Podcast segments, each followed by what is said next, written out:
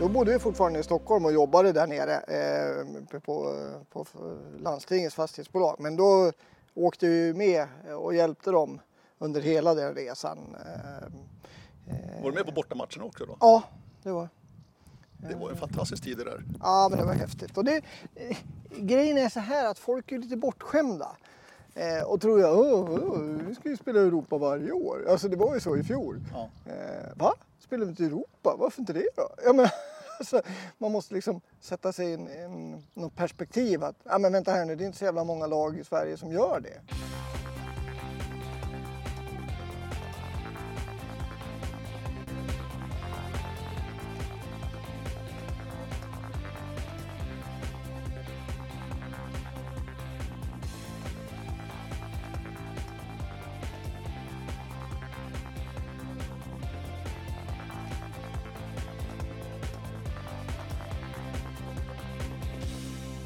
Välkommen Niklas Lidström.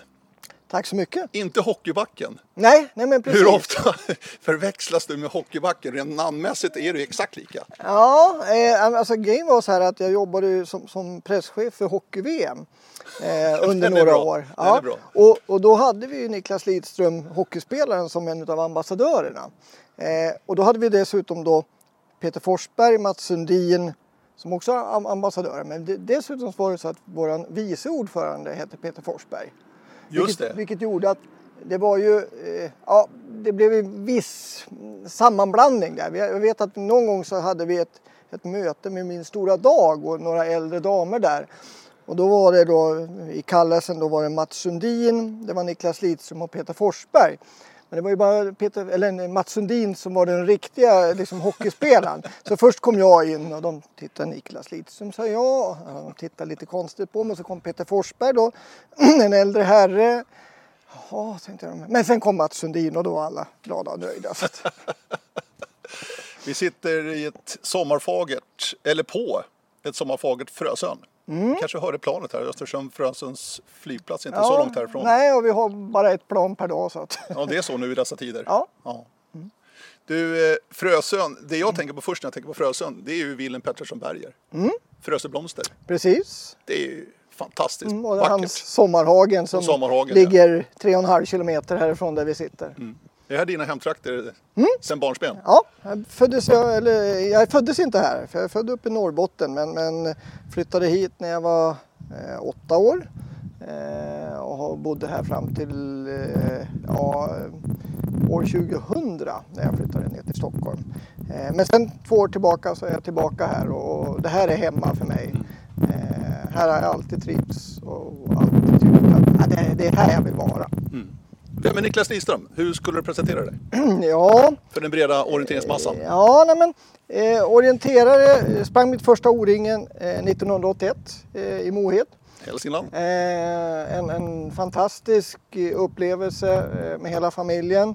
Eh, pappa var orienterare, han var, tog ett DM-tecken uppe i Norrbotten en gång i tiden för OK-renen. Eh, Eh, jag har aldrig lyckats med något DM-tecken, ja, det kan jag säga. Eh, men jag har sprungit, jag har sprungit fem dagars eh, 30 år kanske. Eh, och sen åtta år tillbaka springer mina barn, jag har tvillingar på 20 år, Hanna och David som springer orientering också.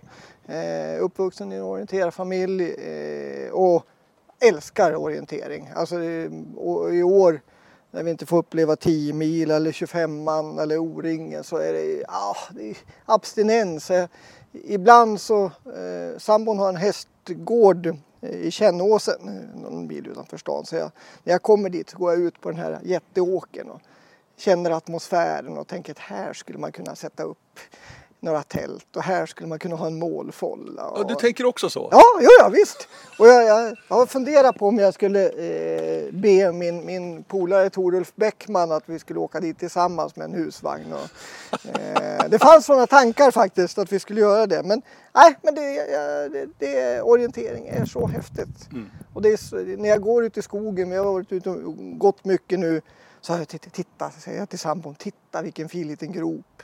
Så, Ja, jag tittar efter blåbär säger hon, men jag tittar efter gropar. ja men det är så. Ja, det är underbart. Ja. Det är underbart. Du Niklas, jag tänker att eh, det här samtalet ska prata om eh, orienteringen här i Jämtland. Mm. Vi har ett O-ringen 2022 blir det nu, mm. inte 21. Mm. Det vet ni alla. I mm. Åre, mm. här i Jämtland. Det ska vi också prata om. Eh, och ska vi prata fotboll också tänkte jag. ja. ja, men det är många fotbollsintresserade.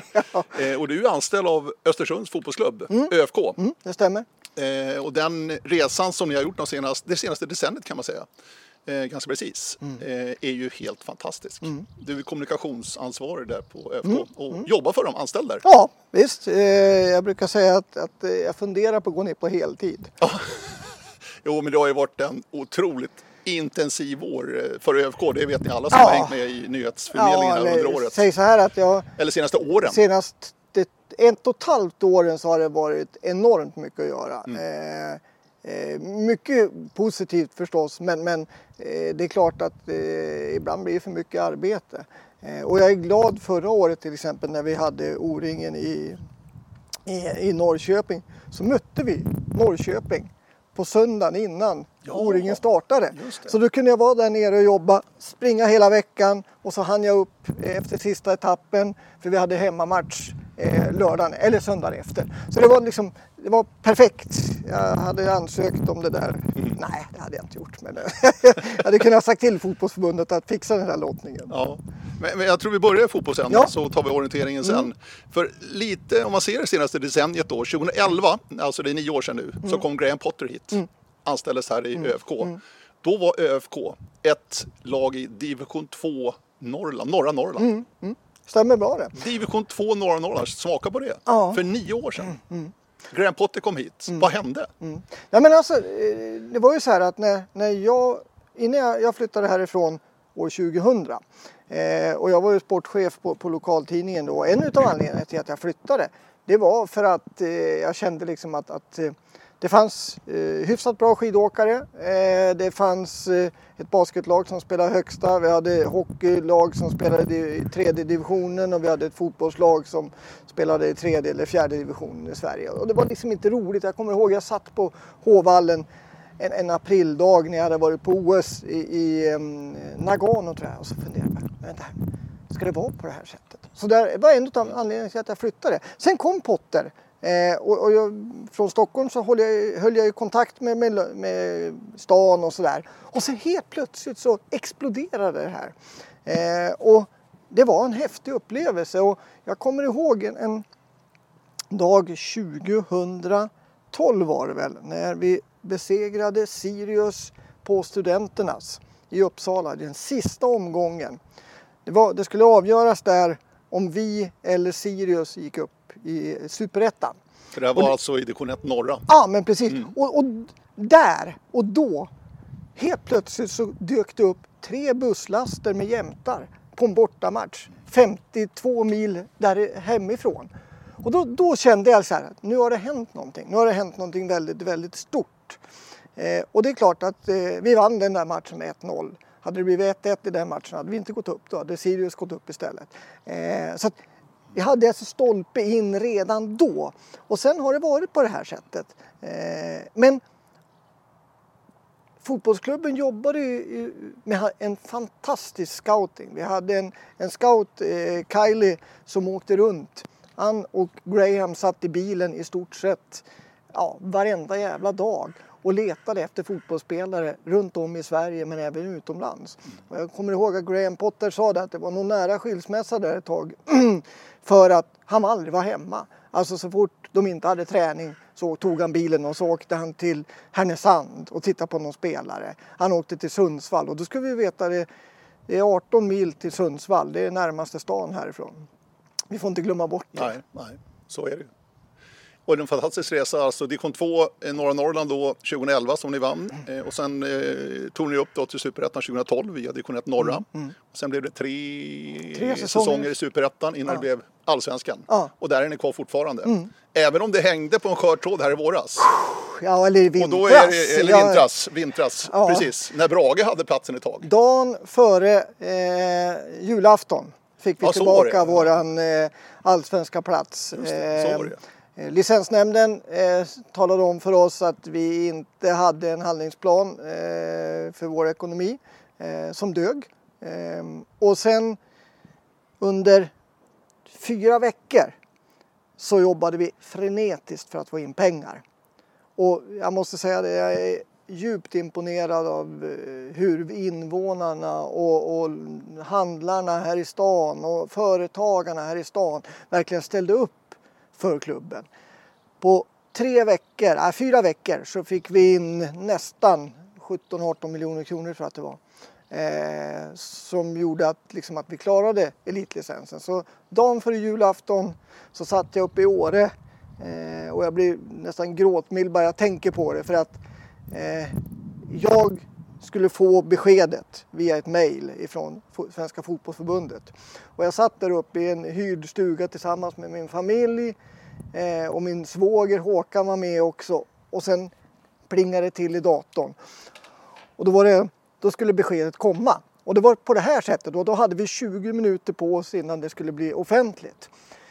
Och det var ett åtta sidor långt pdf-dokument som kom på sista raden längst ner, där stod där det, stod det. att ni fick, vi fick elitlicens. Och jag bläddrade och bläddrade och jag hade folk på telefon som skrek men för tusan, tala om vad det gick! Och så fick vi tillbaka vår elitlicens och då, då fick vi börja om och börja jobba med laget och försöka knyta upp sponsorer och, och allt arbete började i stort sett dagen före julafton. Mm. Och vi fick behålla vår elitlicens. Men vad beror det här på tror du Niklas, som jobbar föreningen i och för sig, men de senaste åren då med Daniel Kindberg, tidigare ordförande och motorn verkligen för mm. ÖFK mm. under eh, eran, får man säga, storhetstid. Mm. Eh, blev ju åtalad mm. och dömd. Mm. Eh, överklagat. Men, överklagat, ja absolut. Mm. absolut överklagat. Men jag tänker på trovärdigheten. ÖFK gentemot de som då ställer upp här. Det måste ändå mm. vara fortfarande ganska stor här i bygden. Ja men det, alltså det är det ju. Sen, sen alltså det är ett vi har ett skamfilat rykte just nu. Och vi har Även ett, lokalt? Ja det har vi. Eh, alltså det finns väldigt mycket folk som tvivlar. Eh, men vi har jobbat enormt mycket och jag som kommunikationschef har jobbat otroligt mycket tillsammans med övriga föreningen att försöka återställa, återfå ett, ett, ett, ett bra rykte och det förtroende som fanns ändå Precis. en gång i tiden. Och det är klart att det inte är jättelätt. Eh, men, men det har varit ett hårt arbete och eh, jag märker att det, fotbollen betyder otroligt mycket för folk. Och, och många pratar om livskvalitet. Alltså att livskvaliteten i Östersund och i Jämtland är så mycket bättre sedan ÖFK kom upp i superettan i allsvenskan. Ja, du säger det alltså? Ja, ja, men alltså, och folk pratar allmänt om det. Livskvalitet säger de. Oj, det är ganska stora ord. Ja, och, och då är det så här att vi, förra säsongen eh, var ju en, en riktigt usel säsong. Men vi hade 5000 pers i snitt på våra matcher.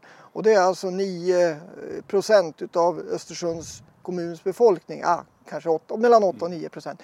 Vilket är ju en fantastiskt. Året innan hade vi 6 000 åskådare i snitt och det är alltså 10 procent utav Tänk dig det i Stockholm eller Göteborg eller Malmö eh, så förstår du själv att procentuellt så är det väldigt, väldigt stort. Eh, och folk som, som jag hade kontakt med när jag flyttade till Stockholm år 2000 helt plötsligt, jag menar, vi hade en granntant, hon har aldrig sett en fotbollsmatch förut, men nu nu satt hon uppe på skidstadion och tittade på TV när Galatasaray besegrades på bortaplan tillsammans med 10 000 andra människor. Alltså det är så häftigt att se. Och det är så mycket folk som mejlar oss. Vi är den femte största klubben i Sverige på sociala medier. Mm. Eh, alltså femte största. Ja. Det, det, det, är imponerande. Det är helt otroligt. Och vi, vi märker alltså, vi, på bortamatcherna, jag åker inte på bortamatcherna, men då sitter jag hemma och har en livesändning på Facebook 12-13 000 åskådare alltså, som tittar på det här inslaget. Och det, ja. det, är helt galna siffror egentligen. Och det är jättehäftigt förstås. Och det är det som gör att vi orkar driva det vidare. För lyssnarna får vi bara säga det att ÖFK spelar inte just nu. Nej. Däremot eh, Djurgården mot Häcken och eh, Falkenberg mot Örebro. Mm. Är den här lördag eftermiddagen ja. som jag är på plats här på Frösön. Men vi måste ändå, vi pratade lite initialt här också, men eran Europa League-resa var ju helt grym. Och den engagerade ju inte bara lokalt nej, här i Östersund och Jämtland, nej. utan hela Sverige ja, ja, visst. Ja, ja, det måste visst. ni ha känt också. Ja, och jag menar, vi, var, vi, var, ju, vi var ju gullelaget i Sverige. Ja, alltså, alla, alla klappade oss, och även de, de mest elaka eh, journalisterna och krönikörerna eh, som kanske då är mer Stockholms eller storstadsfixerade tyckte att det här var fantastiskt. Och det var ju fantastiskt. För vi plockade in spelare som ingen annan ville ha. Spelare som, jag menar, titta på Ken Sema till exempel. Janne Andersson, när han var tränare i, i, i Norrköping. Norrköping, ja. Nej, han, han, ställde, han petade Ken Sema, så Ken Sema drog därifrån. Eh, men vi tog emot honom och utbildade honom och gav honom rätt eh, ställe att vara på. Och det, ju, det var ju Graham Potter. Alltså, Ja. Det var ju hans fantastiska sätt att eh, verkligen använda spelarna. Och jag vet ju det inför Arsenal-matchen tror jag det var. Så var det så här att, att eh, alltså, spelarna var väldigt spända och sådär. Men när de kom till omklädningsrummet den dagen, matchdagen, så ligger ett brev på varje sittplats.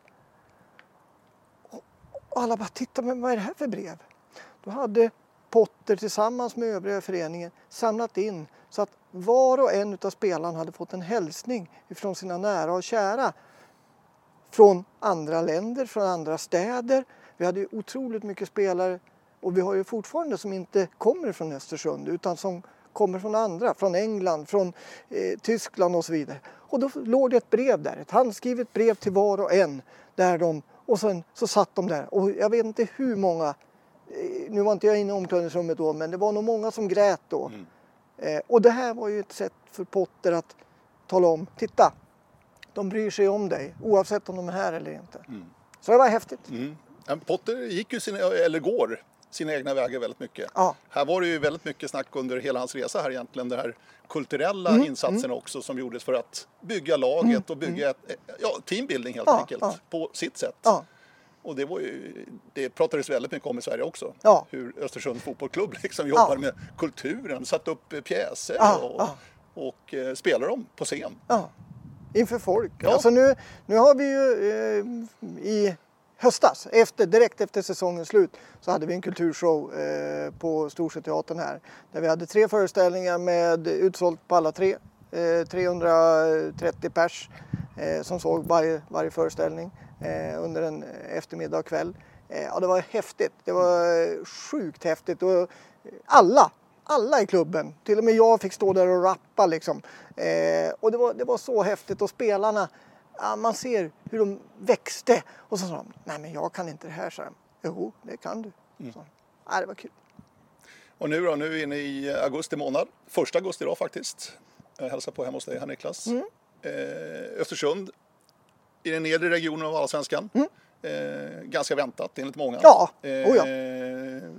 Målsättningen är väl förmodligen bara att hänga kvar det här året. Ja, precis. Med tanke på de Ja, förutsättningarna ja, hade. precis. För vi vet ju också att vi har ett jätte, vi har det yngsta laget. Det är andra säsongen i rad som vi har den yngsta truppen någonsin i, i all, eller i, bland alla allsvenska lag. Och det är klart att det, det påverkar. Nu har vi bytt tränare också. Eh, men det finns potential i det här eh, laget och i de här spelarna. Eh, precis som det då fanns när Potter Ja. kom och började bygga det här. Men Potter hade han började ju i en lägre division. Nu börjar vi i allsvenskan och ska bygga. Så att det, är, det är inte lätt. Nej. Eh, tror du släpper fotbollen där Ja. för, för nu? Eh, fotbollen i allsvenskan. Orienteringen är nog inte riktigt på den nivån. Om Nej. Mm. du tittar på Jämtland och orienteringen idag 2020. Hur, hur mår orienteringen här i Jämtland skulle du säga Niklas? Du är förresten ordförande i eh, Frös IF orienteringsklubb. Mm. Eller Frös IF i, i, i sektionen, Sektionen. orientering. Ja, Ja, ja. Eh, eh, nej men, alltså, orienteringen i Jämtland mår bra. Mm. Eh, det, är, det finns ett antal eldsjälar eh, som, som har jobbat hårt eh, och jobbar hårt. Eh, och vi har fått... Vi har, säg så här, vi är, inte, vi är ingen elit. Det är vi inte. Men däremot så är vi vi har väldigt mycket folk som orienterar och väldigt mycket folk som är nyfikna. Eh, två eller tre somrar i rad, eh, förutom i år, så har jag varit drivande till en orienteringsskola. Där vi sa så här att eh, vi fick pengar ifrån, från kommunen och sen så sa vi så här, ah, men vänta här nu, låt oss använda våra ungdomsledare. Så vi hade 15 ungdomar som alla var upp till 16 år, eh, 16-17 år och de fick vara då ledare. Eh, vi hade två vuxna ledare som, som stöttade dem men de fick driva det här. Eh, och vi hade Det var gratis för alla. Eh, man fick bara gå in och anmäla sig. Och vi hade 75 ungdomar första året. Vi hade 110 Oj. ungdomar andra året. Det är bra. Och ja, säg två tredjedelar av dem hade aldrig orienterat tidigare. Eh, och det var från 6 år upp till 15 år. Och det var jättehäftigt, det var så kul att se. Eh, och det här har fortsatt liksom, att det finns ett stort intresse. Och jag menar, våra hitta ut-delar, alltså det är eh, så många. Mm. Alltså vi har fler som går på sina checkpoints här än vad Göteborg har. är så Uppsala. alltså? Ja, ja, men alltså, det är alltså. jättehäftigt. Och det, det finns ett driv. Men det är klart att alltså, säsongen börjar jäkligt sent. Eh, Ja, nej, men så är det ju. Säsongen är ju Eh, ingen säsong egentligen. Nej, men precis. Och sen på Utan hösten... det är mycket hitta ut som du säger. Ja, och naturpass och det är de bitarna. Va? Ja. Och nu i coronatider så hade vi, vi har Frösö femdagars, en, en, en, eh, fem tisdagar eller torsdagar under tre veckor brukar det vara. Eh, där vi har då, man får komma upp till Frösö sportstuga, vi har det på samma ställe varje gång. Och i år hade vi trots coronatider eh, största deltagarantalet någonsin. Eh, vi hittade en lösning tekniskt där man kunde då anmäla sig på nätet eh, i eventor och sen komma upp och springa. Eh, och vi såg till liksom att, att det var utspritt och det var inte för mycket folk där och så vidare. Och vi hade då eh, i snitt eh, över 300 per, del, per deltävling. Eh, det vill säga 1500 pers totalt sett under de här fem dagarna. Och vi har väl som mest förut varit i närheten av 1300 tror jag totalt. Eh, så trots coronatider, eller tack vare kanske, så var det så enormt mycket folk som ville springa. Och det var hur häftigt som helst. Eh, Jag vet inte hur mycket eh, jag fick ställa mig och börja kopiera upp kartor för att det var slut hela tiden. Och, det är klart att orienteringen växer sig. Eh, starkare och starkare i Jämtland. Eh, elitlöparna? Nej, kanske inte. Men vi har ett antal löpare som tävlar för andra klubbar, som bor här uppe, som pluggar här uppe. Och de har en träningsgrupp som är ute rätt ofta. Två gånger per vecka eh, har det varit nu liksom i stort sett sedan ja, januari månad. Som tränar tillsammans. Eh, och det är jättehäftigt tycker jag. Det är skitkul. Annars i Östersund har ju också det som lite slogan Vinterstaden. Ja, ja. ja visst. För att i princip alla landslagsåkare i skidskytte bor här uppe i Östersund. Ja, oh ja. En hel del utav längdåkarna också Ja. bor här i Östersund. Så att det är vinter framför allt. Men orientering har aldrig varit på den nivån här uppe i, Östers- eller i Jämtland egentligen. Nej, vi hade, vi hade på, på 80-talet så hade vi ett antal riktigt bra eh, juniorer. Eh, Jag vet att vi hade liksom eh, var det topp 15 på, på eh, junior-SM Kavel. Eh, och vi har Mm. det är bra. Jo men alltså vi har, vi har haft ett antal då. Eh, och det är roligt, många utav dem där har flyttat tillbaka till Jämtland. Mm. Eh, och springer fortfarande orientering och är fortfarande med och är engagerad. Och det Mm. tycker jag är jättekul. Jag tänkte bara säga om eh, Frösö fem dagar så här att tack vare, sa du då, eh, pandemin med corona och covid-19 Mm. och allting här så kreativiteten har ju verkligen fått blomstra inom orientering. Om man tittar Ja. på eventor och tittar Ja. på när och klubbtävlingar. Ja. Det är ju hur många som helst. Och det är klart att det är enda sättet. Jag menar, alltså, säg så här, vi, jag tror att vi tapp- vill ju ut hela tiden. Ja men precis. Ja. Jag tror att ekonomiskt tappar vi kanske ja, 50-60 tusen kronor eh, på, den där på de där tävlingarna. Eh, för att vi inte hade någon servering och vi kunde inte ta full startavgift och så vidare. Men bara det känslan av att herregud vad mycket folk det var som var med och som verkligen ville det här. Och till nästa år så har vi sagt att nej men 17, varför ska vi ha det under en kväll? Låt oss ha det under tre kvällar istället. Men vi kanske har funktionärer där första kvällen men de andra två kvällarna då får man klara sig för själv. Då får man swisha för kartan och man kan, vi har Frösö sportstuga där man kan starta med, med sin SI-pinne och må- gå i mål med SI-pinnen. Och kanske kan vi till och med lösa så att man kan få en, en utskrift och allting. Så att, vadå? Det, det, det här är ju, har ju gjort att vi har fått tänka om lite grann och det är det som är så kul. Men om det har varit ett no- normalt år, hur många deltagare har det på DM till exempel? Kan ni samordna med, för det är ju så, sådana avstånd här uppe också. Du sa det, 18 mil till Sundsvall. Mm. Vi har haft- Medel på då till exempel. Ja, men vi har haft, vi har haft eh, DM-tävlingar tillsammans eh, och då, eh, ja vad är det nu, tre år sedan, eller är det fyra år sedan, tre eller fyra år sedan som vi hade tillsammans med Medelpad och eh, Ångermanland. Eh, då vi hade i Bräcke. Mm. Ja, det. Eh, liksom det Mm. ligger Ja, ja. mittemellan. Ja, men jag förstår det. Ja, precis. eh, och det var jättekul. Det var enormt roligt för att jag menar, säg så här att når vi 60, 70, kanske 80 deltagare DM, max. I Jämtland? Ja. ja, det är så ja. ja. precis. Och det, det, är, det går men inte så, runt. Vet du vad? Så fort det börjar pratas om att det är tävling, Ja. Då sjunker då deltagartalen. sjunker deltagare. Mm. Eh, Jag har, I mitt hus där jag bor så har vi två skidåkare från södra Sverige eh, som bor. Eh, de hade inte testat på orienteringen. De sprang varenda etapp av Frösö fem dagar. Så Östersunds OKs parkorientering, varenda etapp. Mm. För de tyckte det var jättekul. Men de skulle aldrig ställa upp på DM. Nej. Så att där har vi lite grann att tänka på. Eh, liksom kanske avdramatisera den där tävlingsdelen. Men det är klart att vissa vill ha den. Så det är jättesvårt. Det är, det är inte lätt att, att lösa. Nej. Vi har ju också att, ni är ju vinterstaden som jag sa. Mm. Det är ganska långa vintrar. Så att orienteringssäsongen blir inte sådär jättelång här Nej, uppe. nej. Det är också ett aber. Ja. Mm. Om man nu vill växa så att säga. Va? Men, men jag, jag tror som du att det här året kan ändå ha öppnat ögonen för väldigt många nya. Mm. Med Hitta ut, med Naturpasset. Så att oj, det här är ju kul alltså. Mm. Och- Men det gäller att få ut dem på tävlingar nästa år då. Ja men precis och, och det gäller ju där och, och där har vi jobbat med någonting som heter Jämtland United där vi har jobbat eh, där alla klubbarna har tillsammans gjort saker och ting. Vi har, vi har liksom sprungit 25 mannar, vi har två lag ett år eh, vilket är Det är imponerande. det är imponerande för att vi är så få här Ja. uppe. Men vi hade det liksom. Eh, 10 Tio mila samma sak där vi hade då både damlag, herrlag, ungdomslag. Eh, och, och det gäller ju bara att det finns folk som vill driva det här. Och nu finns det folk som vill driva det här. Och det är klart att vi tittar framåt mot O-ringen eh, förstås eh, 2022.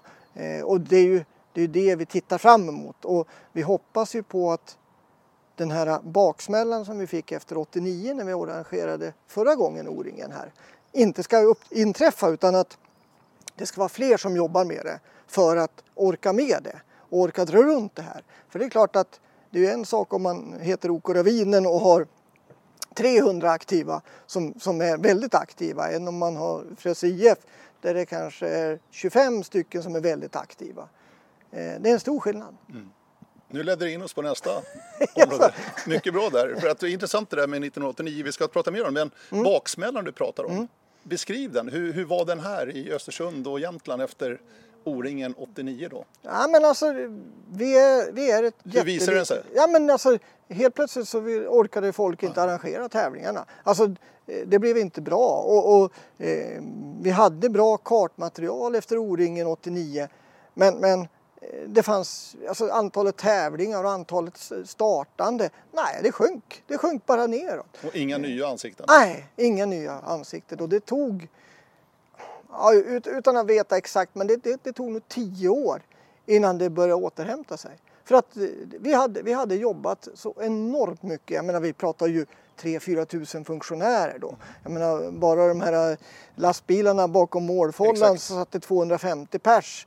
Eh, och, och gick Det var tider det. Jo men precis, och du, då kan du tänka dig själv att man orkar inte helt enkelt. Va? Och det är därför det är så viktigt att vi, vi har kanske inte då 15 pers som kan rita kartor utan, eller rita ba- banor och lägga banor utan vi har 50 pers som kan göra det. Eh, för att det ska funka och för att folk ska orka med det. För det är klart att det, det, tar tid och det tar kraft och energi. För, ursäkta, familjen Lidström var ju verkligen centralt i O-ringen 1989. Din pappa Göran Mm. Lidström var ju ja, generalsekreterare hette det på den tiden. Så heter det så. Så att du var ju i allra högsta grad mitt inne i smeten. Måste du ha varit Niklas? Ja, ja men precis. Jag hade ju, eh, vi hade kansliet första två åren hemma i, i vårt eh, hobbyrum och jag hade mitt rum bredvid där. Så att, eh, jag vet ju att liksom, det var där vi satt och jobbade eh, med, med allt möjligt. Eh, och så sista halvåret hade vi ett kansli inne i stan med anställd personal vet jag. Eh, men fram till det så var det ju liksom Eh, det var mamma som bakade bullarna och fixade mackorna eh, till, till styrelsemötena och till mötena som var i stort sett varje vecka, kanske två möten varje vecka. Eh, men det var en fantastisk tid. Det var enormt roligt och jag kommer ihåg vi, vi, jag jobbade på lokalradion då ehm, så att jag, jag, jag skulle springa och jag skulle bevaka tävlingen men jag visste ju en hel del inifrån också. Och jag vet att ja, fyra, fem dagar före det att vi skulle öppna campingen då, då sa pappa, nej Niklas nu, nu vill jag att vi åker ut du och jag. Jaha, var ska vi då? Nej, jag, jag behöver komma ifrån de här kontoren, jag behöver komma ut. Så då åkte vi upp och byggde scenen istället. Eh, och då låg vi där på, på knä och, och spikade eh, scenen till, till eh, målfirandet eh, i en hel kväll. Och så bra, nu känns det mycket bättre. Nu har jag hämtat kraft och energi. Nu kan jag sätta mig i de här mötena igen. eh, men men det, det, det tar mycket energi och det tog enormt mycket energi. Men det var fantastiskt roligt. Men, eh, och ni som var där, ni, om ni tänker efter, det var så kallt första Ja, ja, två, ja, tre dagarna. Det enda jag kommer ihåg är att det var väldigt kallt. Ja men alltså det var, hade vi sex grader eh, på... nej, på var, eh, jag bodde i tält. Ja, nej, det var enormt kallt. Men sista dagen, Mm. På fredagen, då kom solen och värmen. För jag stod, jag stod eh, vid utfarten av campingen och delade ut läsk. Då hade vi till bryggerierna då som hade kontor här och de hade skänkt fyra pallar läsk. Så vi stod och delade ut till alla bilarna som åkte härifrån. Och då var det väl 25 grader varmt, ungefär som vi har nu idag. Mm. ja. Eh, men före det då var det jäkligt kallt. Ja. Ja, det var det verkligen alltså. Men det var ju häftigt att komma upp hit. Jag- sprang ju det året, 1989. Mm. Eh, Jag måste ha sprungit hårset kort, typ, tror jag. Eh, Vissa dagar var det väldigt stenigt och brötigt. Ja. Det var ju liksom inga... Några områden var jättefina. Öst, det var det här uppe på Frösön, va? Östanåsen? Nej, Nej, det i det är Häggenås. Häggenås. Förlåt. ja. Häggenås. Där var det fint. Ja, där var det fint. Där var det fint. Det, Ja. det är ett fint område. Där i Pilgrimstad, där Fanbyn var. Ja. Där var det brötigt. Ja, det är riktigt brötigt. Nej, ni hade inte hittat de fi- finaste områdena i min Nej, känsla. nej. Och, och grejen var så här att då, då var det ju så att, att eh, eh, vi, vi var tvungna att hitta områden runt, runt Östersund. Absolut. Ja, vi, ville. Ju, vi ville ju springa i Åsarna. Eh, och vi hade ju... Allt var för långt. Nej, Nej. eh, de sa nej. Jaha. Markägarna och byn sa nej.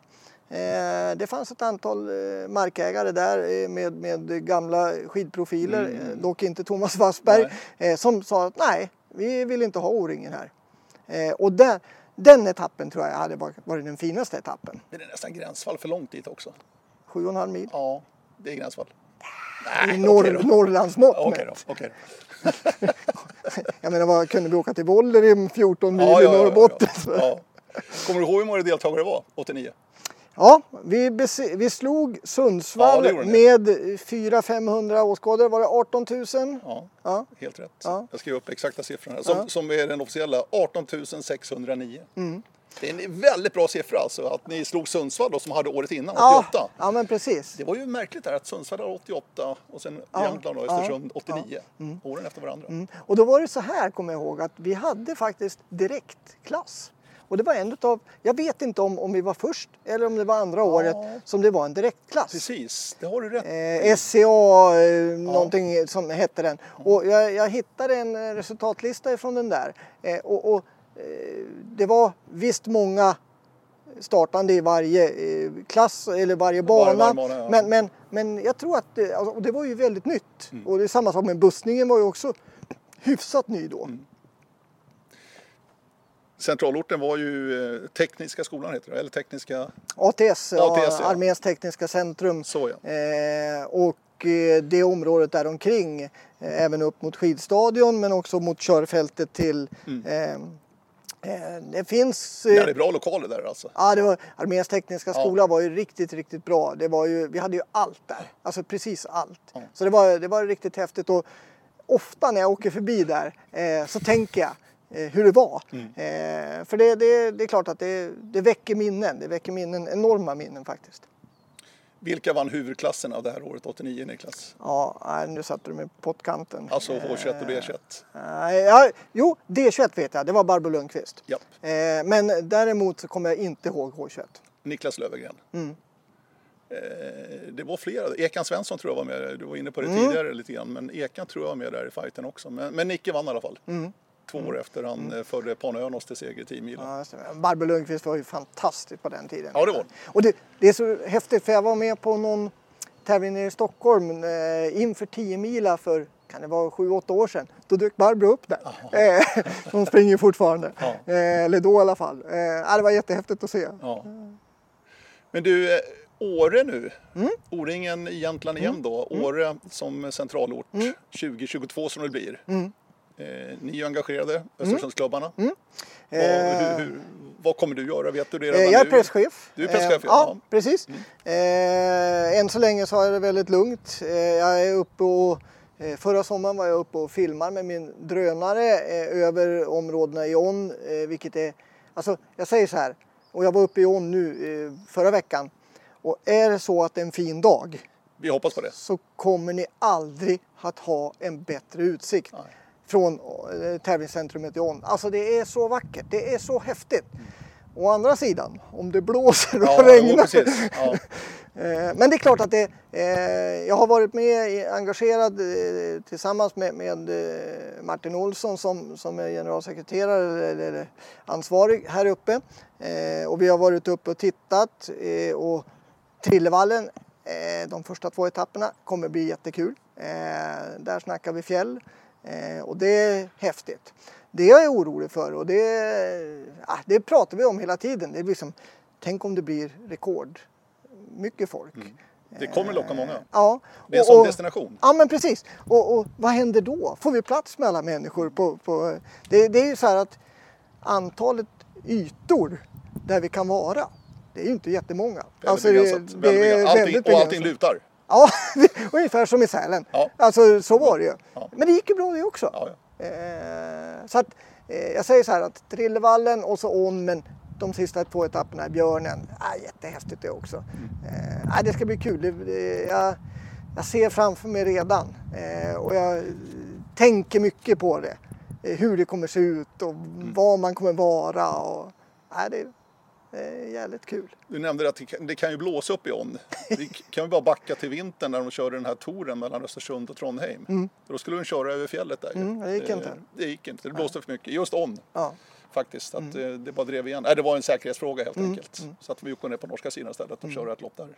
Nej, nu, och det roliga är att förra veckan när jag var uppe i On eh, och fiskade så var det 10 grader varmt. Eh, men det blåste 8-9 sekundmeter. Jag hade fem lager tröjor, med olika fleecetröjor och skaltröjor och en regnjacka på mig. Men jag frös ändå. men så kommer det inte bli om två år. Nej. Nej, nej, nej, nej. Nej.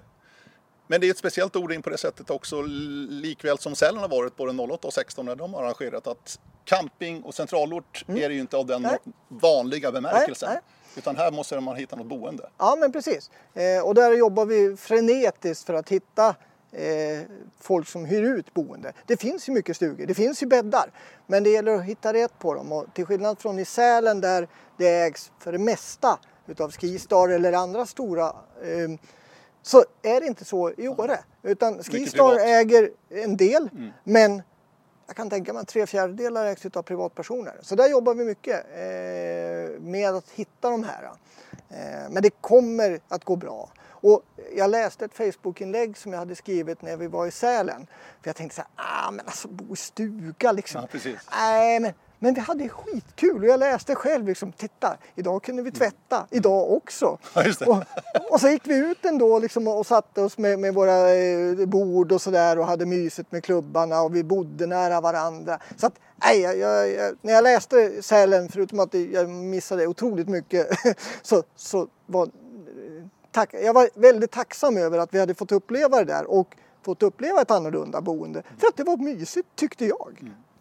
Hur känner du engagemanget då hos ja, dina medlemmar i Frösö IF Mm. till exempel och de andra klubbarna som ska vara med och arrangera för O-ringen 22 i Åre? Ja, men det är mycket. Alltså det är ett stort intresse och det är ett stort engagemang. Eh, och vi har ett antal människor som lägger ner enormt mycket tid redan på det här. Eh, för att få ihop tillräckligt många volontärer, för att få ihop stugor, boende, men också liksom det här med transporter. Och det finns en massa utmaningar. Det, det här är inte Övik, det här är inte Norrköping med Himmelstalundsfältet. Det här är någonting annat och då måste vi försöka göra det så bra som möjligt.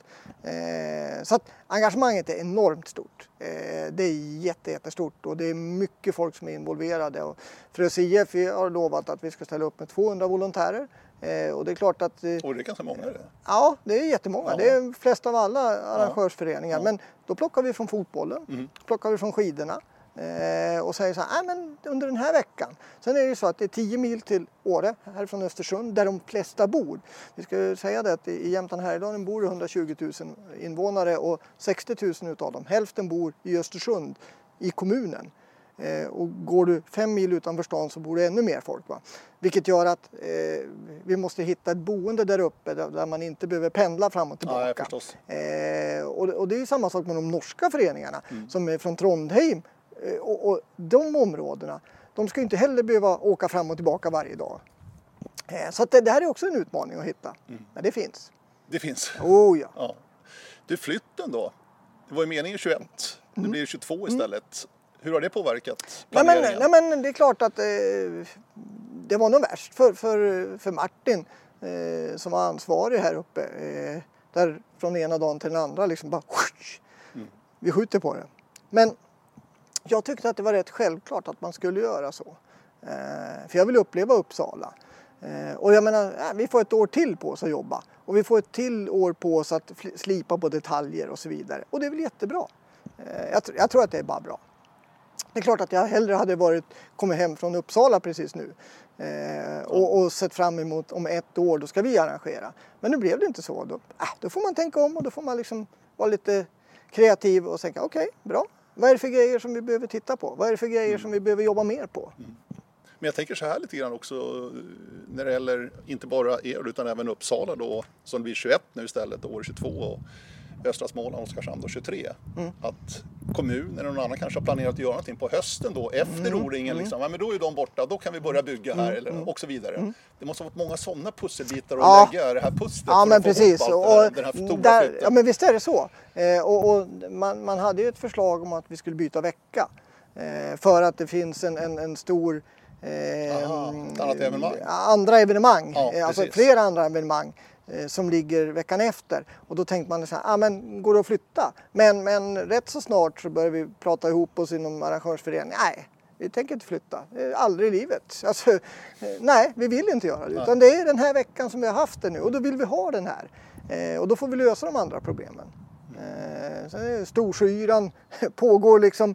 Eh, hur ska man lösa med det och så vidare. Men vi får lösa det tillsammans helt enkelt. Mm. Sen är det så att vi har ingen aning om vad som sker i coronatider om två år. Alltså det vet vi ju inte. Nej, det är också en grej faktiskt. Alltså, vi har ingen aning. Nej, vi, vi vet ju inte alls. Alltså, kommer det bli som förut? Kommer vi kunna lösa, alltså göra på det sättet som vi hade förut? Det vet vi ju inte. Alltså, jag tvivlar på det faktiskt. Nej, ja. Alltså personligen. Ja. Jag tror inte att vi kommer tillbaka till det det som var normalt för oss innan den här pandemin. Nej. Utan det blir ett nytt normalt. Ja men precis. Ja men exakt. Men då... hur, det har jag ingen aning om. Men att det kommer påverka oss för lång tid framöver. Ja, ja. Det är jag rätt övertygad om. Mm. Så att, och det kommer ju säkert påverka O-ringen och orienteringen i stort också. Ja men precis. Och, och, och då, då, ja, då får vi göra det bästa av det. Eh, jag menar istället för att då kanske gräva ner oss. Tycka, varför är det inte som förut? Nej, men bra, nu är det på det här sättet och då får vi acceptera det och så gör vi det bästa av det. Det är, det är så jag är uppfostrad eh, och det är så jag tror att vi måste hantera det. Vi måste anpassa sig helt enkelt. Mm. Hur skulle du eh, sälja in Åre för de eh, lyssnare nu vi har här som funderar, ska jag åka till Åre eller inte? Mm. 22, O-ringen. Mm. Du, du, var inne på det tidigare och jag håller med dig att det kommer locka många men alla är nog inte helt övertygade än så länge. Nej, eh, säg så här att, att eh, om ni tänker er Sälen, ni som var där. Tänk er Sälen och så tänker ni högre fjäll, brantare. Eh, men kanske den bästa utsikten ni någonsin kommer ha ifrån en startplats. Eh, och att få uppleva det här eh, tillsammans med era klubbkompisar, era vänner, era grannar. Eh, det kan bli ett livsäventyr. Alltså, jag tror verkligen det och jag säger inte det för att jag, jag är engagerad i det här utan för att jag verkligen tror det. Ja, men det är jättebra eh, för, för när, jag, när jag åkte till Sälen så hade jag inte sprungit till Sälen tidigare. Nej. Men jag tyckte det var helt fantastiskt mm. eh, och jag tyckte det var så roligt eh, och få uppleva det här. Och jag, jag, glömmer aldrig när vi satt i sittliften och det ösregnade, det var fjärde etappen. Mm. Och jag frös så enormt när jag kom upp på fjället. Men när jag såg utsikten och jag såg bara framför mig, åh vad häftigt det var. Och det är det jag hoppas att, att alla får uppleva när de kommer upp till Åre. Men då, då kontrar jag lite grann. Alltså, både du och jag, vi är ju inte de snabbaste längre. Nej, nej. Vi vill inte ha så där brant längre. Nej. Det blir bara att man får gå liksom. Man jo. vill ju springa. Ändå. Jo, det får man. Men? Ja, jag förstår jag det. Ja. Fast å andra sidan så, så eh, till exempel i Trillevallen där det är rejält brant. Eh, Där är målet högt upp om jag fattar det nej, rätt. nej det är det inte. Utan där, däremot starten, Starten är högt upp. Ja, precis. Eh, och sen ska du neråt. Ja. Åh, men det är nästan ännu värre för knäna vet du. ja, men det kanske är diagonalt. Så, just det. Så. Åh, nej, det, det, det tar ju på krafterna vi som har blivit lite äldre i alla fall. Men det nej, jag tror att det kommer bli en jättekul upplevelse och jag tror att det, det kommer vara värt resan hit för, för er som kommer söderifrån, som har långt att åka eh, och ni som har lite närmare. Eh, det finns i områden, till exempel Trillevalla har vi inte haft en orienteringstävling någonsin. Eh, så att bara det är värt allting. Ja, jag hör vad du säger. Jag, Ja. jag håller med. Ja. Verkligen. Alltså, det kommer bli en fantastisk upplevelse. Jo, men jag. menar, du som har Idre s- som en av dina favoritställen. Eh, Det, det, det, här, är, det här är häftigt. Idre Alltså, kubik. Ja, ja, men precis. Och sen är det ju så liksom att ja, det kanske är jättehäftigt med, med en annan terräng också. Men ibland så vill man ju testa någonting nytt och det här är någonting nytt. Och sen är det ju så att jag menar, Jämtland är eh, områdena, många av områdena är detaljfattiga. Eh, och det kommer göra att det är svårt. Men om man är noggrann så kommer det att bli riktigt, riktigt bra. Och själva Åre centrum kommer ju ändå bli navet någonstans för eh, Oh ja. O-ringen. Ja. Eh, ni som har varit i Åre vet ju också att det är en ganska brant by Mm, det där. Alltså, ska man någonstans så är det bara, om man är nere vid stationen, Mm, som är liksom navet verkligen i Åre, järnvägsstationen där med ICA-affären och allting. Eh, ska man någonstans så är det bara uppför. Ja. Jo. Alltså oavsett var du ska någonstans. Men vi som är uppvuxna här på Frösen så är det ju alltid här. Ja, jag det är menar, det, bör- det, Ja, det är sant. slutar, det slutar oavsett. Det är jag menar, cykla här, eh, det är ett helsike. Men, men äh, det, är en, det är en utmaning om man får testa. Om man kanske måste träna lite extra för att Mm. eh, orka med det. Så är det. Du, du sa det att du är pressmediachef där för Åre 22. Vad innebär det i dagens läge? Inte så mycket egentligen just nu va? Mm. Nej, vi, vi plockar lite grann och, och plockar fram lite bilder, lite filmer, lite inspiration och sådär. Och, och det är väl det vi ska jobba med framöver också. Ehm, för att verkligen visa och få folk att få en känsla av här är, det här är den terrängen som vi kommer bjuda på. Det här är de tävlingarna som vi faktiskt kommer bjuda på. Eh, Det hoppas jag och tror kommer göra att många känner ja, nej, men visst, dit vill vi åka. För det är ju så att eh, många åker ju inte på O-ringen alla år. Eh, och nu, nu har vi inte haft något O-ringen i år. Så ingen har kunnat åka på O-ringen i år. Så folk borde vara väldigt sugna på att orientera. Först och främst i Uppsala men också i Jämtland.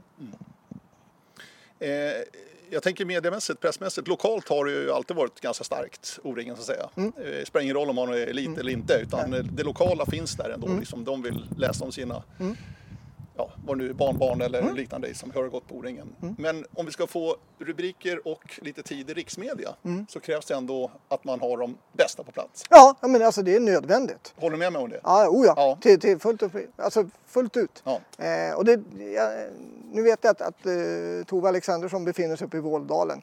Eh, och tävlat i fjällmaran såg jag där eh, Ja. idag. Ja, idag Hon- till och med. Ja, Ja, just det. Hon, vann ju fjällmaran i Åre förra veckan. Ja, precis. Men nu vann hon, jag tror med 16 minuter. Ja, hon är grym på sånt där. Eh, ja, alltså. och var, hade hon fem herrar före sig. Ja.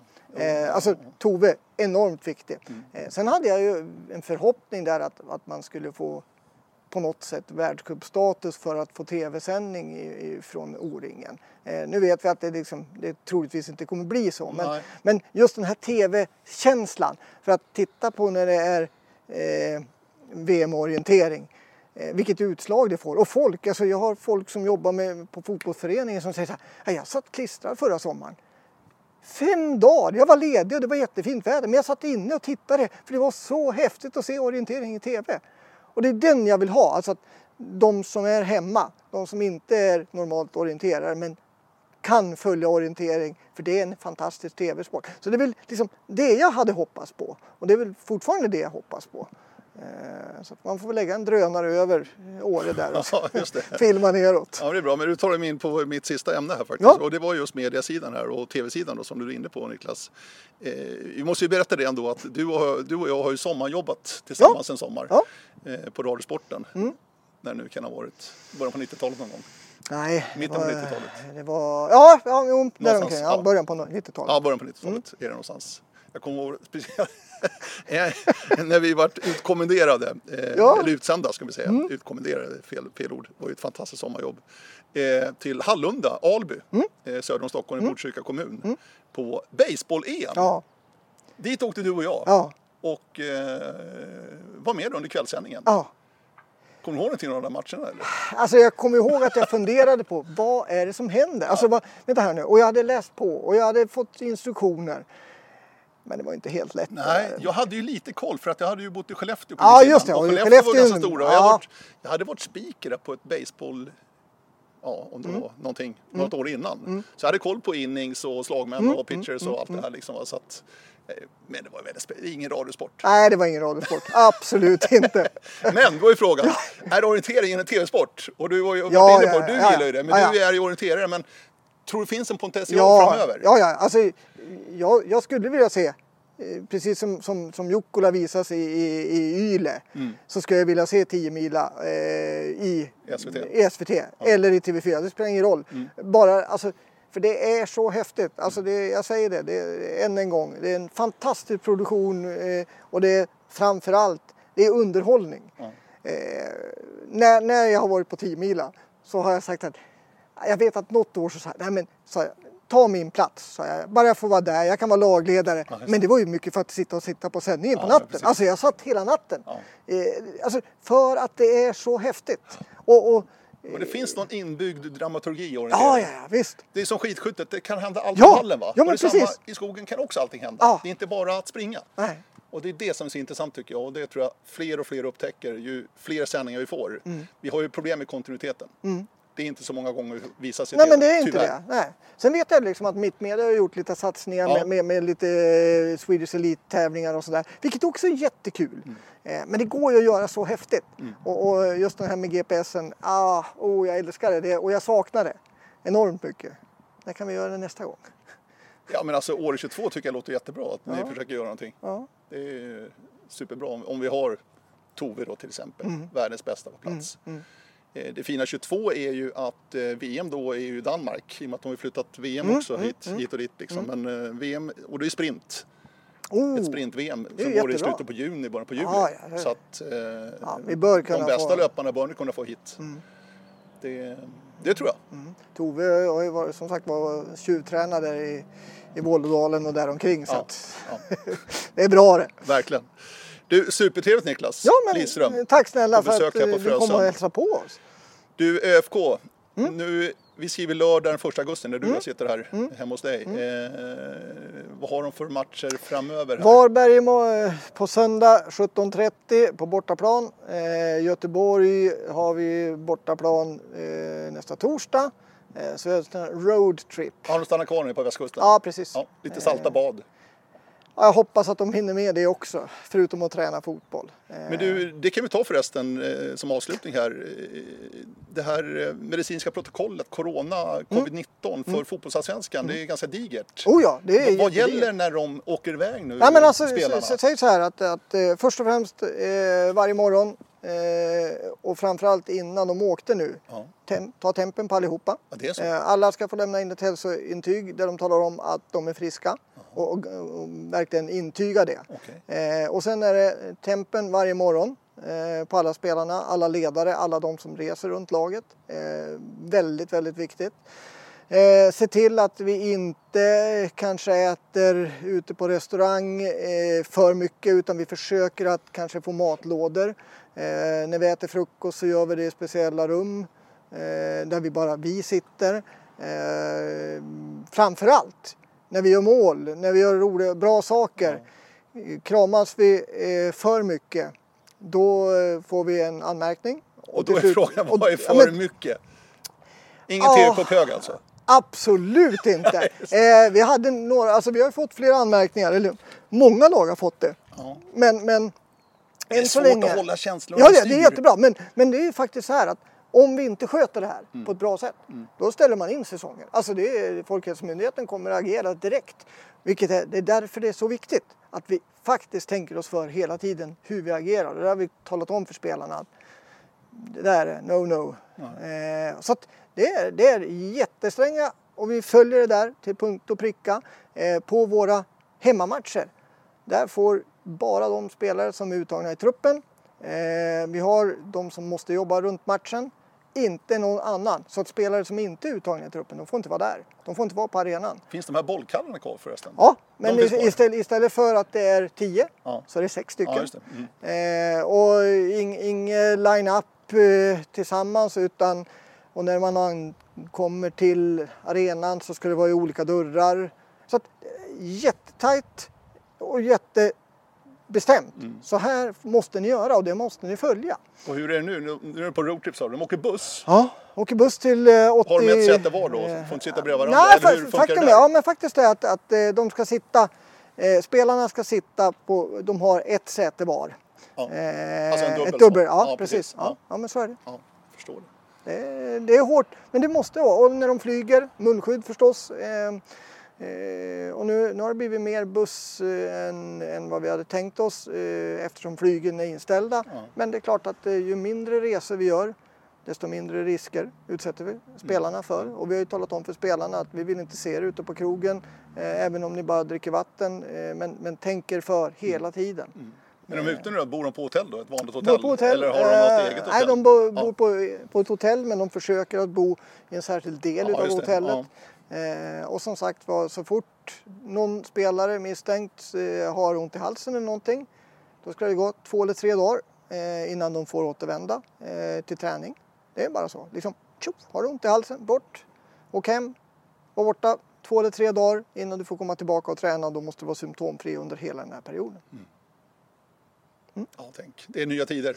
Nya tider och det är bara att anpassa sig. Ja, och det har vi gjort in moniteringen också. Ja, Ja. men visst, Nu ska verkligen. vi ha corona-anpassade SM-tävlingar här i höst. med. Ja. Det ska bli spännande. ja, verkligen.